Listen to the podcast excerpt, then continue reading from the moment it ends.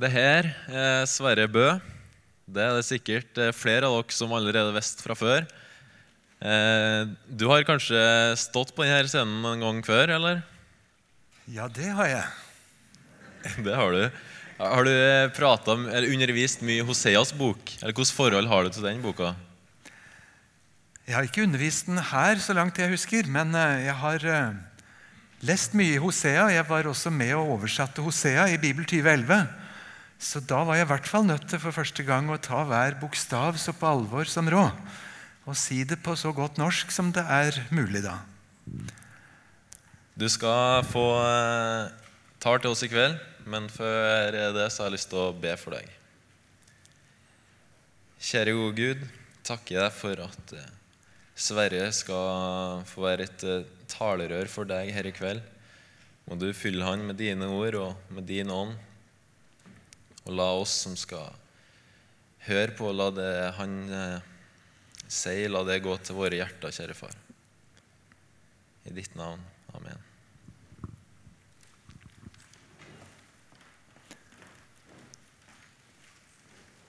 For dem som har fått med seg møtene tirsdag og onsdag, så har vi fått en god innføring i hvilken tid denne profetboka ble til. Hva slags figur han var, denne Hosea. Og så har vi fått temperaturen på hvordan folket egentlig hadde det med sin Gud. Og brutalt sagt så står det i Hosea 8,14 at de glemte sin skaper. Det er en forferdelig diagnose å få. Israel glemte sin skaper. Og Det som skjer når de glemmer Gud, er at da rykker det noe annet inn isteden. Og det er dit vi skal i teksten i dag. Vi skal se litt på hva det var som fylte det rommet som Gud skulle hatt, når de ikke brydde seg med å lyde den ene sanne Gud. Da skal vi til en tre-fire tekster i andre del av Hosea-boken. Og Noen av tekstene skal vi få opp på veggen, så vi kan ordentlig se hvordan de tar seg ut. Vi begynner i kapittel 8. Og Så leser vi noen av setningene der fra kapittel 8, vers 4 og utover.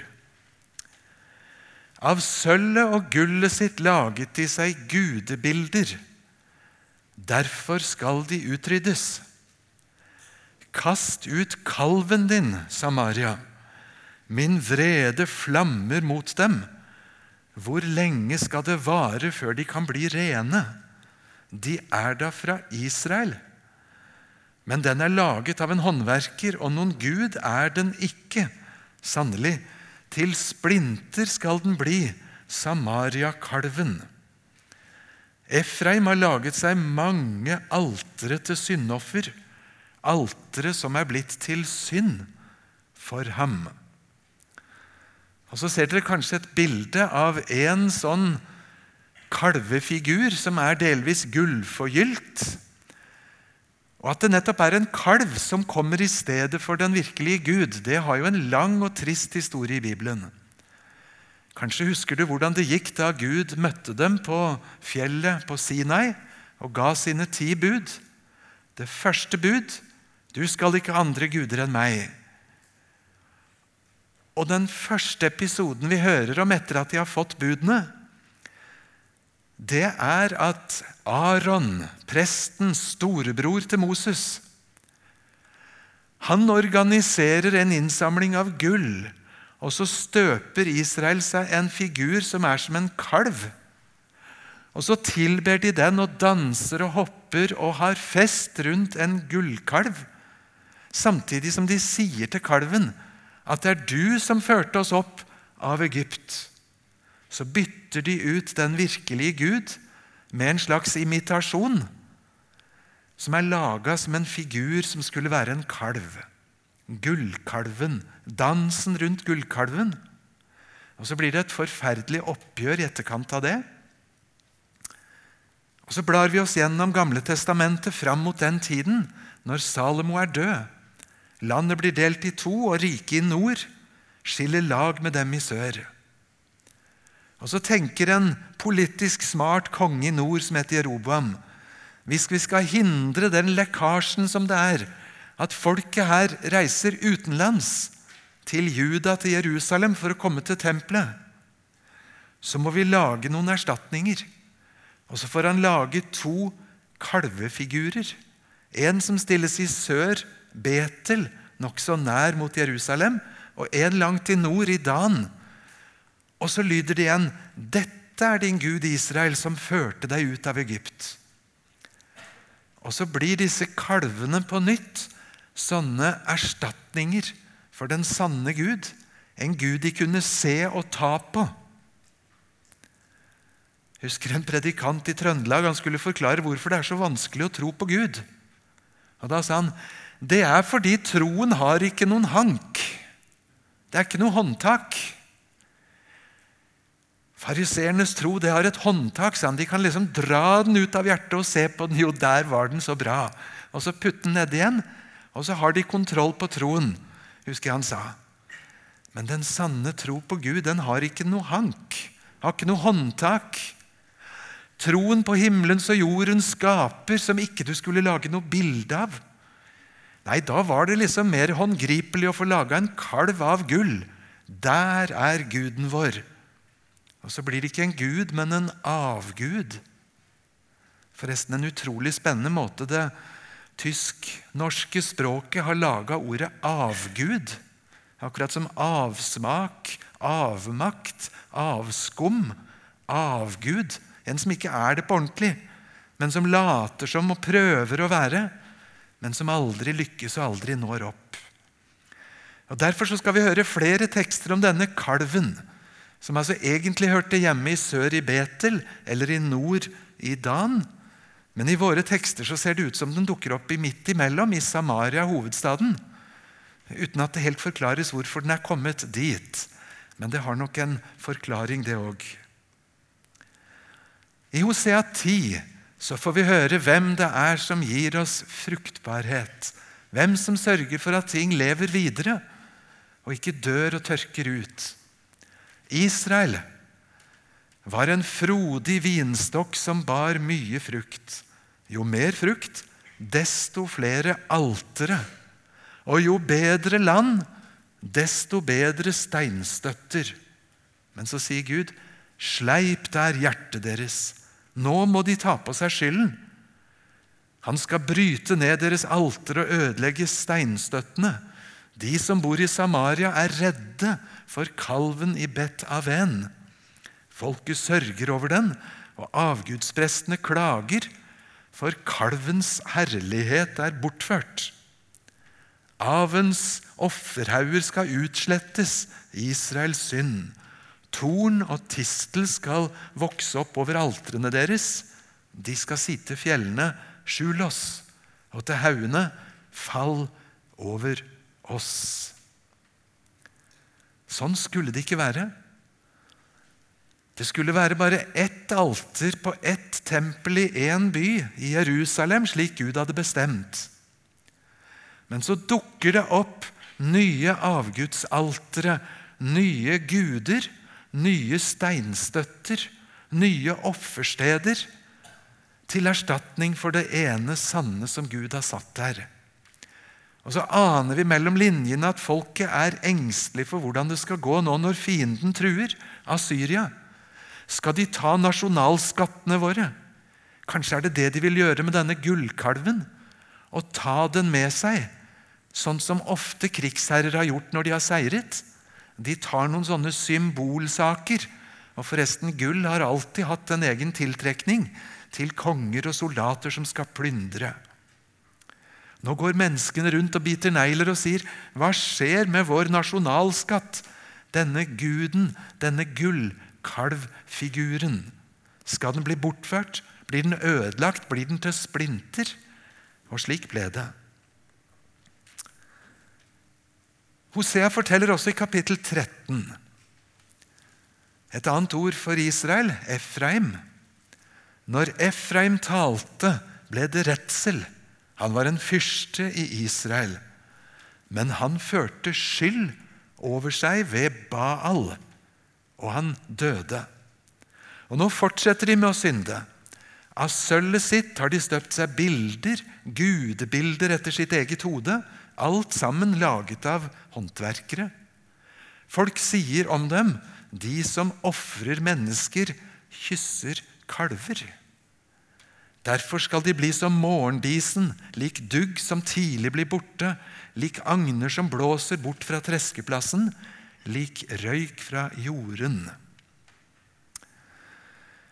Her får vi høre navnet på kanskje hovedavguden Baal, som betyr sjef, herre, og som brukes som et ord for å være sjef, men som også blir et egennavn på selve Baal.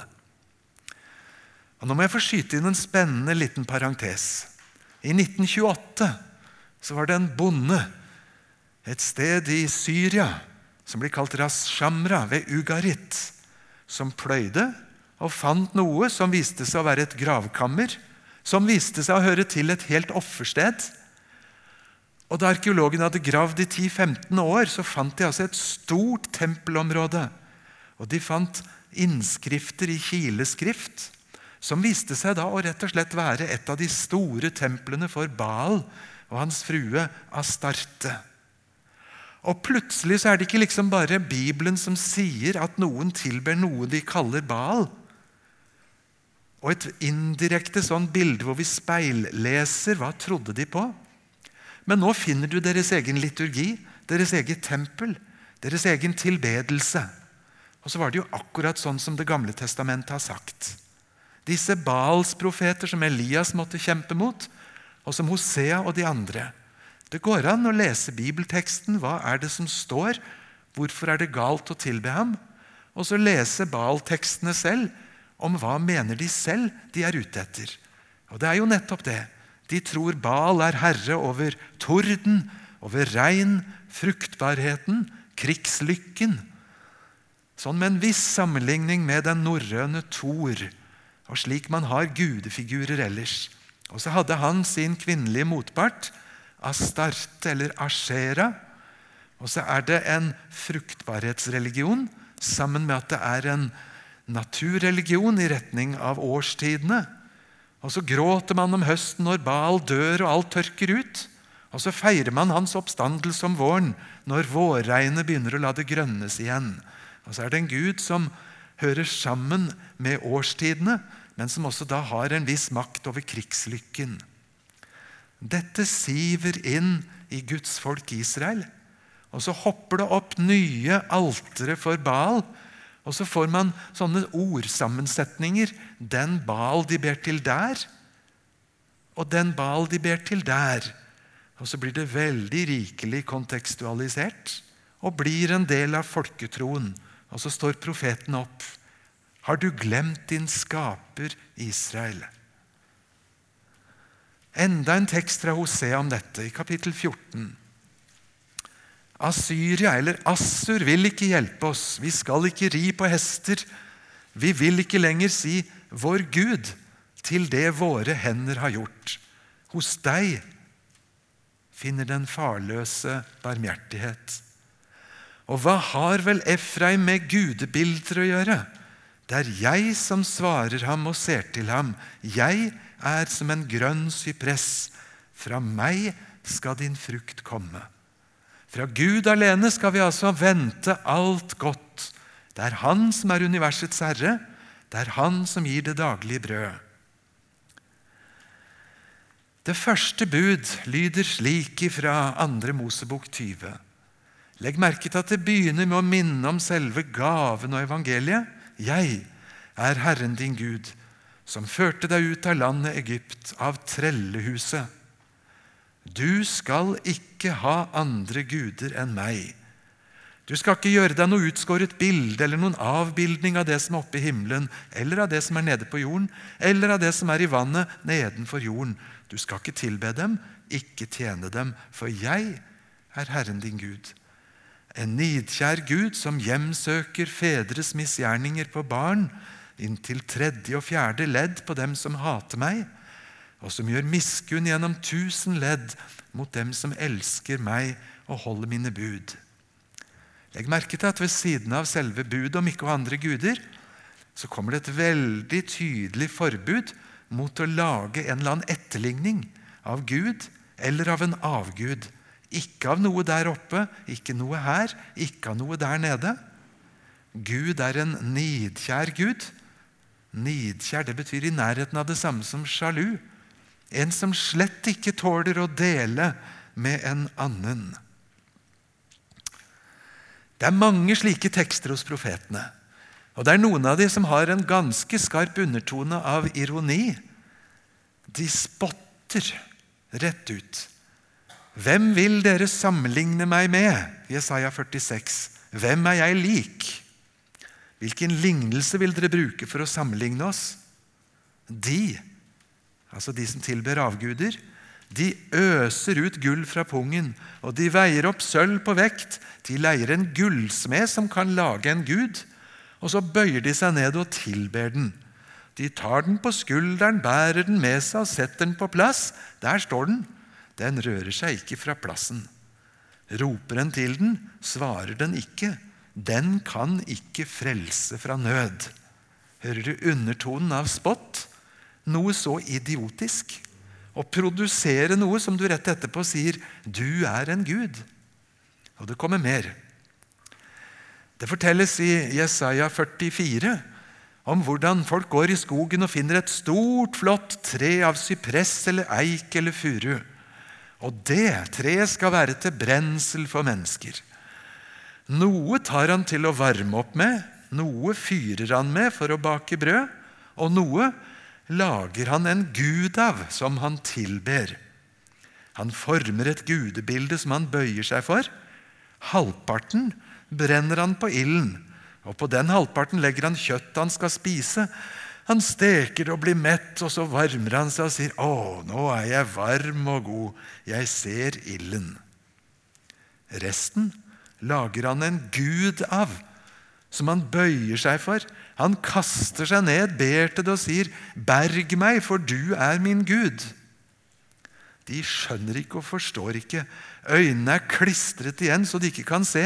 Hjertet også, så de ikke kan forstå.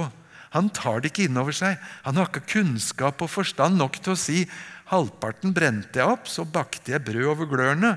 Jeg steker kjøtt og spiser det. Og så lager jeg noe avskyelig av resten. Jeg bøyer meg for en trekubbe. Hører vi spotten?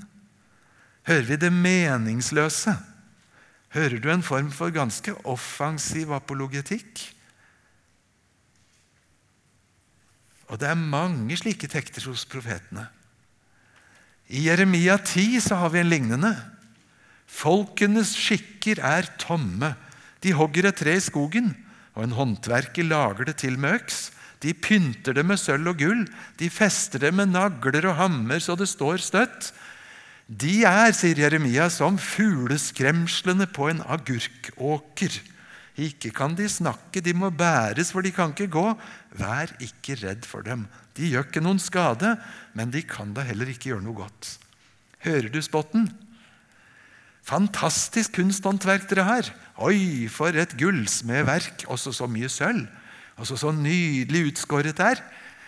Hva skal vi bruke det til? Ja, men Jeg har et forslag. Kanskje det kan være fugleskremsel i agurkåkeren. Hører du også nær sagt Jeremia driver og hopper paradis og sikter etter alle ømme tær å lande på? Han liksom utfordrer dem på det kraftigste. Skjønner dere ikke? Er det ikke ulogisk og meningsløst? Til og med i Salmenes bok To salmer som lyder nesten likt. Gudnebildet deres er av sølv og gull. Menneskehender har laget dem. De har munn, men kan ikke tale. De har øyne, men kan ikke se. De har ører, men kan ikke høre. De har nese, men kan ikke lukte. De har hender, men kan ikke føle. De har føtter, men de kan ikke gå. De har ikke lyd i strupen. Og slik blir også de som lager dem, og alle som setter sin lit til dem. Sånn sang Israel sine lovsanger til Gud, med en frimodig spott imot galskapen og det ulogiske i at noe vi har produsert, plutselig skulle ha en gudekraft over oss. Det er mange sånne episoder i Israels historie, i bibelhistorien. Kampen mot avgudene har vært sterk. Kanskje er den første episoden dere også tenker på med Elias, som utfordret Baals profeter. Hvem kan sende ild ned på dette alteret etter så lang en tørke, på en avsvidd topp på Karmel? Og så laget de hver sine altere. Og så skal dere vær så god få lov til å begynne først. Og 400 Baals profeter synger og danser og ber og hopper og risper seg til blods for å rope til Baal at han må sende ild og vise sin makt. Og så skjer det ingenting. Og de får holde på riktig lenge så fortvilelsen ordentlig får gripe om seg. Og Elias han er ganske så frimodig. Han utfordrer og sier kanskje dere må rope litt høyere. Kanskje han ikke hører akkurat nå. Skal du se hvor mye rart det er direkte han sier til dem. Rop høyere. Han er jo en gud. Han er vel falt i tanker. Eller han er gått avsides. Eller er ute på reise. Kanskje han sover og må våkne. Rop litt høyere. Og Dette er en snill oversettelse, for det som her står 'kanskje han er godt avsides', det betyr på godt hebraisk 'kanskje han er på do'. Han er avsides, kanskje han er på do. Du må rope litt høyere. Baal svarer ikke. Hører du den offensive måten å møte hedenskapet på ansikt til ansikt? Og Så blir det Elias sin tur, og hvor stor blir han da? En liten profet som faller på kne for Gud. Men legg merke til at istedenfor å gjøre det enkelt for Gud, så sørger han for å få flere hundre liter vann båret opp på Karmels topp en sånn tid med tørke. For å dynke veden så ettertrykkelig at veden som skulle ta fyr, den ligger og svømmer og dupper i vannet. Vi tenker han må jo gjøre det så enkelt som mulig for Gud, sånn at Gud liksom med et lite fingerpek kan få det til. Men Elias han gjør det vanskelig for Gud. Han vet på en måte at det har jo ingenting å si. Hvis Gud mobiliserer sin allmakt, så blir det slik han har tenkt det. Offensive profeter. En trist historie fra Samuel, Eli sin tid. Krigslykken er ikke god. Israel taper mot filistrene. Filistrene stjeler til og med paktens ark. Og de tror de har fått et krigstrofé og bringer paktens ark med seg til Ashtod, inn i det tempelet til den store Dagon-guden. Og så tror de de dobler guddomskraften når de plasserer Israels gud i denne paktskisten ved siden av Dagon. Men Gud er en nidkjær Gud, og de passer ikke sammen. Neste morgen når de står opp, så ser de at Dagons store gudestatue den har falt. Trynet er bokstavelig talt. Armer og bein og hode ligger spredt utover. Og Så begynner folk å bli vettskremte. Er det kraft og makt? Og så sender Gud pest og byller. Og Så blir filistrene engstelige, og så prøver de å flytte paktens ark fra sted til sted og dekker det til til en naboby. Vi har en gave, dere skal få paktskisten. Og så tror de at de kan putte Gud inn i sitt alter av avguder. Og Til slutt så brer fortvilelsen seg by etter by, og så vet de ikke annen råd enn at filistrene legger et krigsråd og sier omtrent som tre røvere at vi røver henne tilbake der vi røvet henne fra. Så plasserer de paktens ark oppå ei kiste, og på lykke og fromme skal oksene dra dit de vil, og vi håper det er veldig langt bort. Og siden det er litt flaut at vi stjal paktens ark, så betaler vi en liten unnskyld oss-skatt i form av noen gullfigurer, som altså er mus og byller. Kan du se noe så ynkelig? Vi har litt dårlig samvittighet overfor Gud og må betale for oss for vår forbrytelse, og så lager vi noen gullmus og gullbiller for å formilde Gud. Det er det Bibelen kaller å være i mørket og famle og mangle kunnskap. Vi kunne fortsette med krigshistorien fra første kongebok 20, når Israel faktisk lykkes med å beseire syrerne som inntar dem. Og Når syrerne holder krigsråd, så sier de vi tapte fordi Israels gud har en, en viss kontroll i fjellet, for han er en fjellgud. Men neste år, når krigen bryter ut på nytt, da skal vi sørge for at krigen er nede på slettelandet, og da vinner vi. For Israels gud er bare en sånn lokalgud oppe i fjellene. Og Så sier Gud i himmelen, fordi de sier jeg er en fjellgud og ikke en slettegud, så skal jeg nedkjempe dem på sletten neste år, og så går det sånn. Og så skal Israel lære, og du og jeg skal lære at vår Gud han er en universell Gud som du ikke plasserer i en liten bås. Han har greie på de tingene, men her må vi ordne oss selv. For den ene sanne Gud dekker det hele, og så trengs det ingen substitutter. Og så lærer vi en merkelig historie om denne fantastiske kobberslangen som Moses på Guds ord laget. Den som kunne hjelpe Israel da de var i ørkenen, hadde syndet mot Herren, og Herren sendte serafslanger.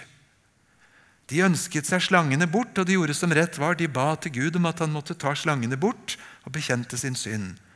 Fikk de bønnesvar? Hva sa Gud Moses? Skal han ta bort slangene slik vi ba ham? Og så var bønnesvaret én slange til. Guds bønnesvar matcher ikke alltid vår oppskrift. Problemet er at vi har litt for mange slanger, og de biter oss. Vi ber til Gud ydmykt om å ta dem fra oss. Hva er Guds svar? Vær så god, en slange til. Ble de lykkelige? Ja, når de så hvordan Guds redning var større enn noen bønn de kunne formulere, så ble de glad i kobberslangen. Hadde Gud tatt slangene bort, så hadde jo ikke flere blitt bitt, men hva med dem som allerede hadde giften? Guds løsning var en redning for både de som var bitt, og dem som eventuelt ville skulle bli det. Og så tenker de en sånn kobberslange må jo være utrolig verdifull. Og så tar de vare på den, og så dukker den opp i bibelhistorien 600 år senere. Når en god konge, Hiskia, sier 'Bort med kobberslangen', for Israel hadde tent røkelse for den og tilbedt den og kalt den for Nehushtan, slangen. Og så hadde Guds gode redning i form av kobberslangen blitt en avgud for dem. Og så sørger den gode kong Hiskia for å ødelegge den. Hva tror du Riksantikvaren ville sagt? Selv Guds gode redning til dem ble en fristelse. Og Så løsrev de den fra Guds makt, og så ble det en dings i seg sjøl, som de trodde hadde kraft i seg selv. Og så må du og jeg lære at sånn er det aldri i møte med Gud. Hadde vi tid, så skulle vi lest ordentlig Esekiel 8, 9, 10 og 11. En ramsalt, sterk fortelling hvor Esekiel, som er i fangenskap i Babylon, blir tatt med på en luftreise fra Gud, hvor ånden løftet ham i panneluggen tvers gjennom ørkenen, så han plutselig lander hjemme i Jerusalem, hvor tempelet fremdeles er. Ja, det står der, men hva skjer? Jo, når Gud viser ham bakveien rundt i tempelet i Jerusalem, så får han se at bak i kammerrommene og bak dørene og bak en skjulevegg, der sitter Israels eldste og Israels prester og Israels gamle koner. I hver sine avdelinger og tilber firfisler og tilber babylonernes gud. Og de risser veggen i tempelet full av avgudsbilder. Og Esekiel er så rystet. Og Så får han i synet se hvordan Guds herlighet, som hadde flyttet inn i Jerusalem da Salomo innviete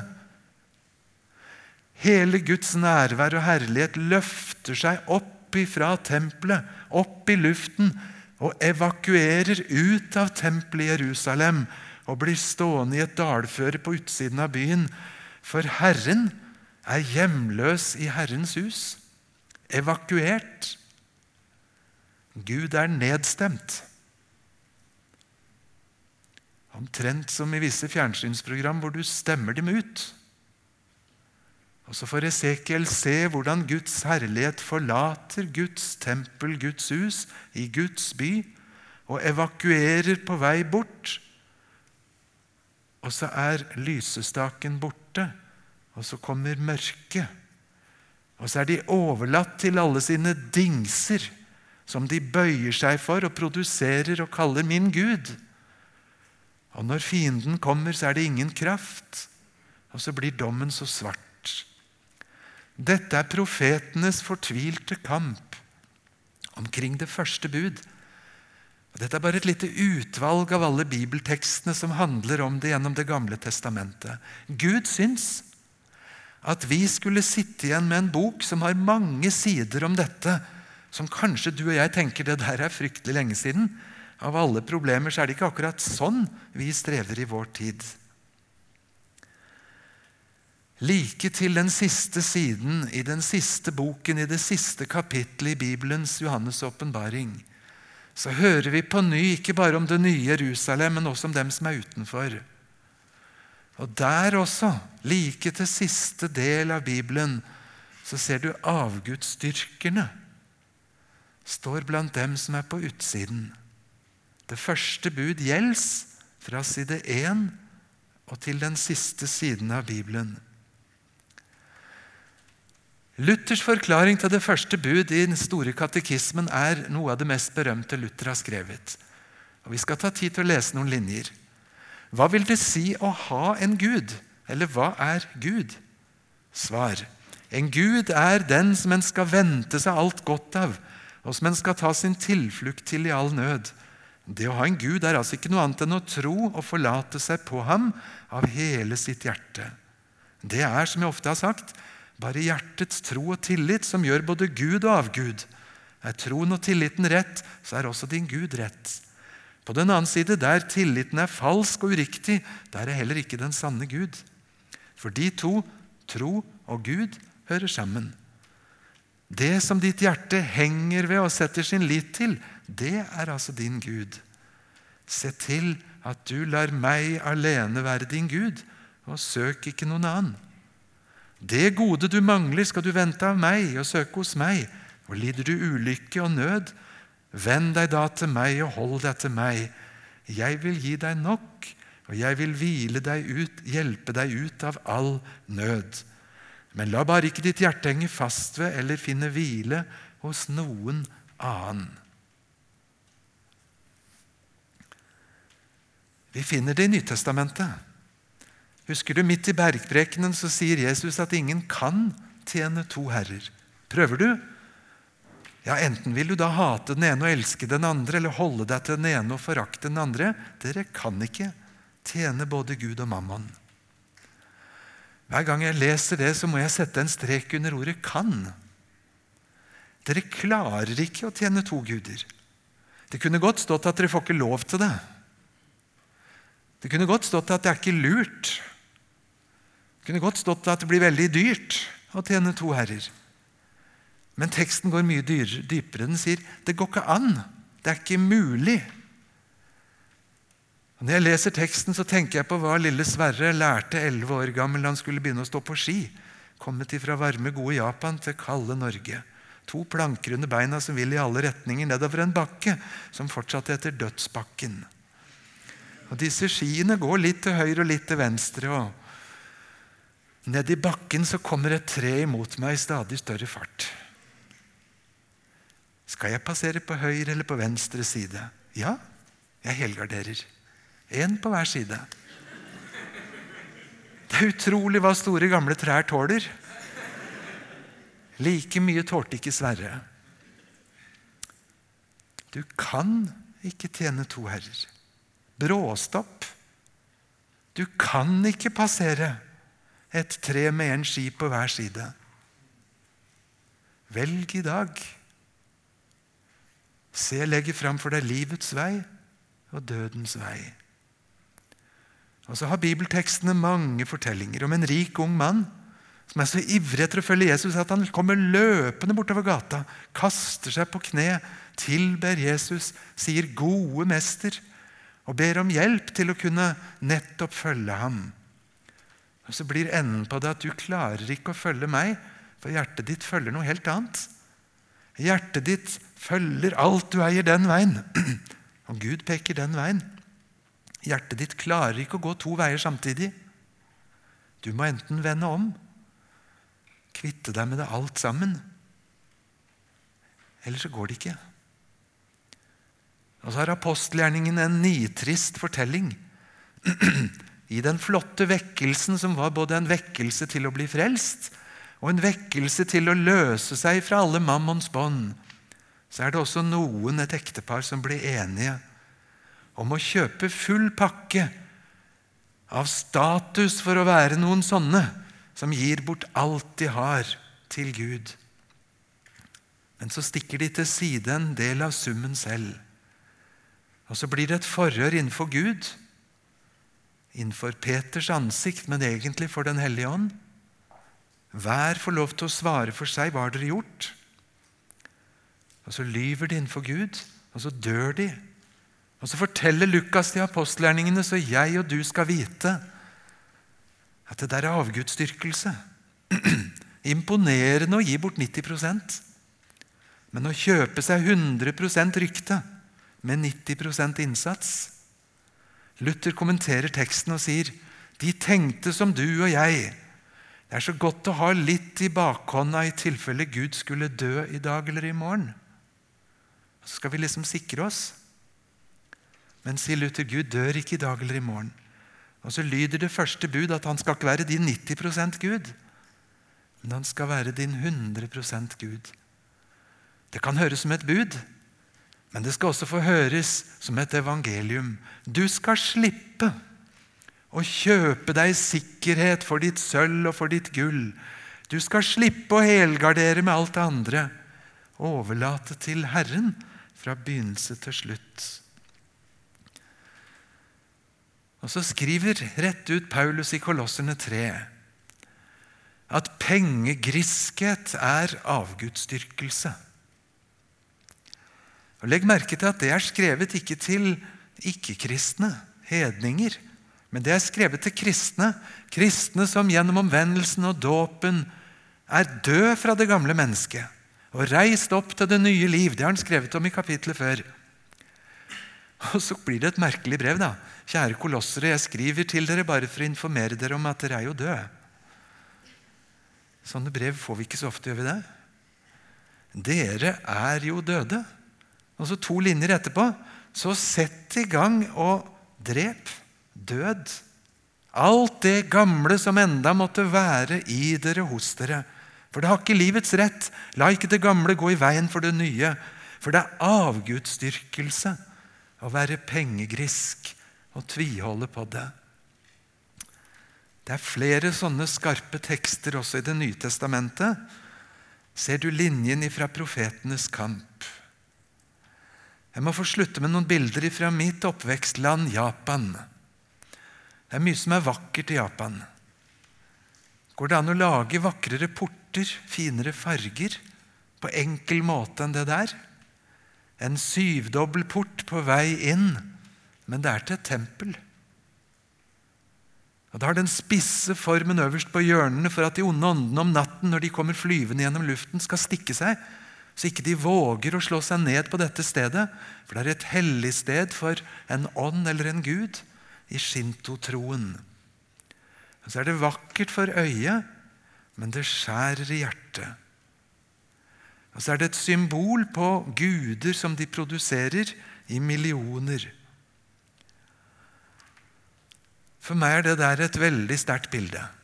Det er tatt noen hundre meter fra der jeg har vokst opp. Men det er ikke på vår misjonsstasjon, det er på et tempelområde rett ved siden av. Kona mi Heidi står der.